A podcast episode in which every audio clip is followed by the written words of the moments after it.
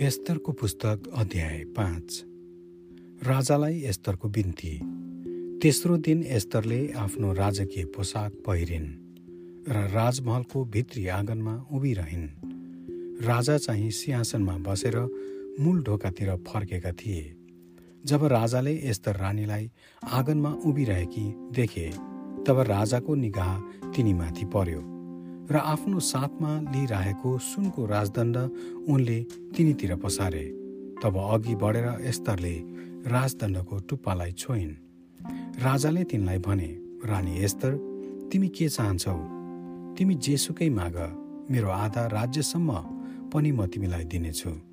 एस्तरले भनिन् हे महाराजा हजुरलाई असल लागे हजुरको निम्ति मैले तयार गरेको भोजमा आज हामानको साथमा हजुरको सवारी होस्। एस्तरको इच्छा पुरा गर्न राजाले हामानलाई तुरुन्तै बोलाएर ल्याउने हुकुम गरे। तब एस्तरले तयार गरेको भोजमा राजा र हामान गए। दागमध्ये पिउँदै राजाले एस्तरलाई फेरि भने तिमीले मलाई जेसुकै मागे पनि म तिमीलाई दिनेछु। तिम्रो माग के हो भन। मेरो आधा राज्यसम्म पनि म तिमीलाई दिनेछु। जवाफमा एस्तरले भनिन् मेरो बिन्ती र अनुरोध यही छ। यदि मैले महाराजाको निगाह पाएकी छु यदि मैले मागेको कुरा दिनु र मैले चढाएको बिन्ती पुरा गर्नु महाराजालाई असल लागे हजुर दुवैका निम्ति मैले तयार गरेको भोजमा हजुर महाराजा र हामान भोलि पनि आइबक्स्योस्। भोलि म महाराजालाई आफ्नो कुरा भन्नेछु। मुर्दकैको विरुद्धमा हामानको क्रोध। त्यस दिन हामान रमाउँदै र मनमा खुसी हुँदै गए। तर जब तिनले मर्दकैलाई राजाको मूल ढोकामा र तिनको सामु खडा नभएका र नडराएका देखे तब तिनी रिसले चुर भए। तर आफैलाई समारेर तिनी घर गए। त्यसपछि तिनले आफ्ना मित्रहरू र आफ्नी पत्नी जेरेसलाई बोलाइ पठाए।